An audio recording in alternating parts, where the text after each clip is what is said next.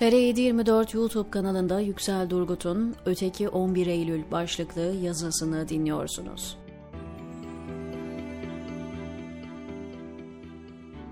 Birkaç gün sonra 11 Eylül terör saldırısının 22. yılı.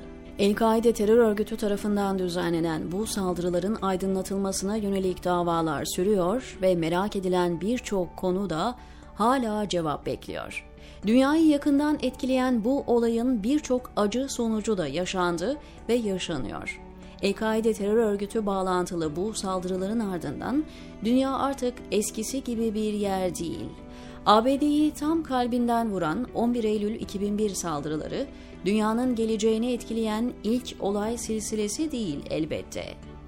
Yakın tarihin bir değil, 2 11 Eylül'ü olduğunu ABD kabul etmese de tarih sayfalarında yaşananlar bu gerçeği ortaya koyuyor. ABD'li senatör Frank Church 1976 yılında şu açıklamayı yapıyor. Sezar'ın uzak Roma'dan kolonileri gözetlemesi gibi Nixon da Şilililerin hükümet seçiminin Birleşik Devletler Başkanı için kabul edilemez olduğunu söyledi. Beyaz Saray'ın tutumu Vietnam'dan sonra artık deniz piyadelerini gönderemiyorsam o zaman CIA'yı gönderirim şeklindeydi. CIA'nin gönderildiği ülke Şili ve 11 Eylül 1973 darbesi, Şili'de Demokratik Sosyalist Salvador Allende'nin başkanlığını yaptığı Halk Birliği hükümetinin ordu tarafından devrilmesidir. İlk Marksist başkan olarak bilinen Allende, Şili Ulusal Kongresi ile siyasi gerilim yaşarken, ABD Başkanı Richard Nixon'ın uyguladığı ekonomik yaptırımlarla da karşı karşıya kalmıştı. 11 Eylül 1973'te General Augusto Pinochet başkanlığındaki bir grup asker darbeyle iktidarı ele geçirerek sivil yönetime son verdi. CIA bu darbenin ardından 2000 yılında Allende'nin göreve gelmesini engellemek için orduyu göreve çağırmayı reddeden üst düzey bir generalin 1970 yılında kaçırılmasındaki rolünü kabul etti. Nixon'ın Allende'nin tehlikeli bir komünist olduğunu ifade ettiği belgeler Amerikan kamuoyunda yer almıştı. Bu belgeler ABD hükümetinin darbeden ve Allende'nin demokratik yollarla seçilmiş hükümetini devirme planlarından haberdar olduğunu gösterdi. Tarihçi Peter Wynne, ABD'nin darbede suç ortaklığı yaptığına dair kuvvetli kanıtların olduğunu aktaran kişilerden sadece birisi. 11 Eylül 1973'te San Diego'da Şili Silahlı Kuvvetleri'nin darbesinin arkasında karanlık olaylar var. ABD darbeden 3 yıl öncesinde kışkırtmaya başladığı askeri darbeye dolaylı da olsa bulaşmıştı.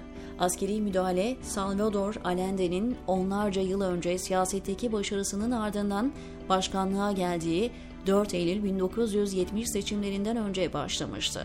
Hatta Sosyalist Parti Başkan adayı seçim meydanlarında rakibi Allende için mezar taşında burada Şili'nin gelecekteki başkanı yatıyor şeklinde şakalar yapıyordu.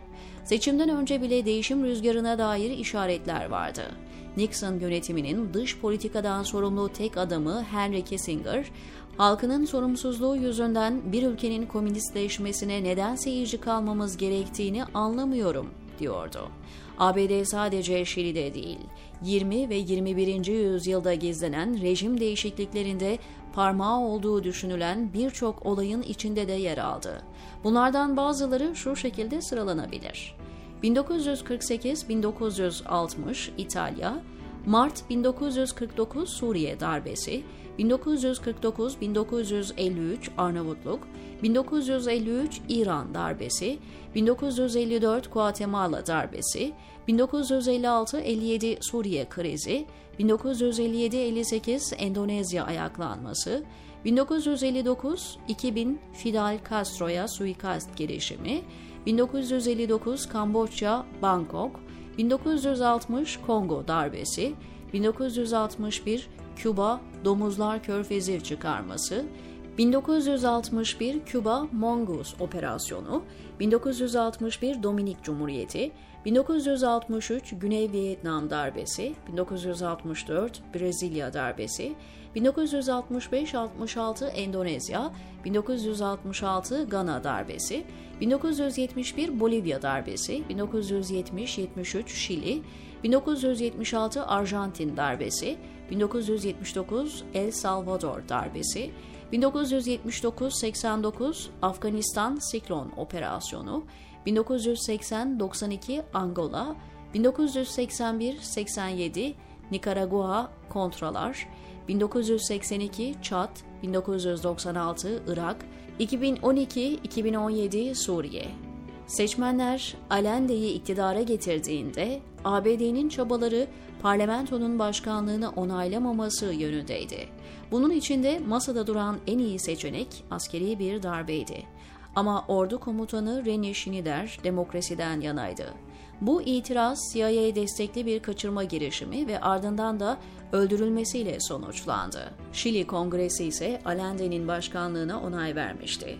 Washington elindeki en büyük kozu olan ekonomik yaptırımları devreye soktu. Özellikle Allende'nin çok uluslu şirketleri ve özel mülklerini hedef alan bir kamulaştırma planıyla ekonomik olarak boğulması hedefleniyordu. Birçok ABD şirketi Şili'nin doğal kaynaklarını ve altyapısını hedeflerine koymuştu. Şili'de yaşananlar bundan 10 yıl önce Küba'daki devrimci bilmecesinden daha kötüydü. Washington'ın korkusu seçimler yoluyla elde edilen sosyalizmin sadece Latin Amerika'da değil, dünyanın birçok yerinde değişimine ilham verebileceğiydi. Nixon yönetimi bu başarının acilen durdurulması gerektiği görüşündeydi. Nixon, elindeki en büyük koz olan ekonomik silahını sonuna kadar kullanmaya yemin etmişti. Allen de görevde olduğu 3 yıldan kısa bir sürede her türlü grev, gösteri ve şiddet olaylarıyla mücadele etti. Buna rağmen hükümeti hayata kalmayı başardı. Devrilmesi için askeri bir operasyon gerekiyordu. 11 Eylül'den sadece birkaç gün önce ordunun içindeki çıkar çatışmaları yeni göreve gelen komutanın taraf değiştirmesiyle son buldu. Yeni komutan 1973 yılından 1990 yılına kadar Şili'yi dikta rejimiyle yöneten General Augusto Pinochet'ti. 1973'ten 1998'e kadar Şili ordusunun başkomutanı ve 1973-81 arasında da Şili junta hükümetinin başkanlığını yürüttü. General Pinochet askeri darbeyle Başkan Salvador Allende'yi koltuğundan etmişti. Görevde olduğu dönemde tecavüz ve birçok işkence olaylarıyla anıldı. Verdiği emirlerle birlikte toplu katliamlar yapıldı. Juntasının işlediği binlerce kurbanın kalıntıları 50 yıl geçmesine rağmen hala aranıyor. Allende kimsenin kafasındaki devrimci imajına uymuyordu. Hakkında yazılan biyografilerde kendisinin siyasetçiden daha çok bir köy doktoruna benzediği tarif ediliyor. Darbe uyarısıyla Santiago'daki Moneda Sarayı'na gitti. Teslim olma ya da istifa etme yönündeki uyarılarla alay etti. Hainlerin onurlu insanları anlayamayacağını söyledi. Allende 11 Eylül 1973 sabahı halkına yaptığı son konuşmasında da sonuna kadar direneceğini ilan etti. Şili demokrasisi tüm halkın fethidir. Sömürücü sınıfların ne eseri ne de armağanıdır. Nesiller boyunca biriken fedakarlıklarla kendisine dayatanlar tarafından savunulacaktır. Demokrasiyi ve hukuk devletini geliştirme kararımı ciddiyetle yineliyorum diye yazmıştı bir keresinde. Bir kask takarak eline otomatik bir silah aldı. Elinde tuttuğu silah birkaç yıl öncesinde destekçilerini silahlandırmasını tavsiye eden Fidel Castro'nun hediyesiydi. Amerika kıtasının büyük bir kısmı ABD destekli askeri yönetime geçti. 21. yüzyılın eşiğinde yeni sömürgeci ve neoliberal düzene ilginç alternatifler ortaya çıktı. En azından Şili'de halk Allende'nin kahramanlığının Pinochet gibi askeri takıntıları olanlardan daha güçlü olduğu umudunu hala taşıyor. Bölgedeki diğer ülkeler askeri junta altında acı çekerken Şili daha önce Güney Amerika'da demokrasi ve siyasi istikrarın sembolü olarak görülüyordu. 11 Eylül denildiğinde aklımıza ilk ikiz kulelere yapılan teröristlerin kaçırdığı uçakların dışında tarihin sayfalarında saklı kalmış karanlık oyunların oynandığı başka 11 Eylüller de var. Şili darbesi, ABD'deki 11 Eylül 2001 saldırılarıyla aynı tarihte gerçekleşmesi nedeniyle diğer 11 Eylül olarak da anılıyor, diyor Yüksel Durgut TR724'deki köşesinde.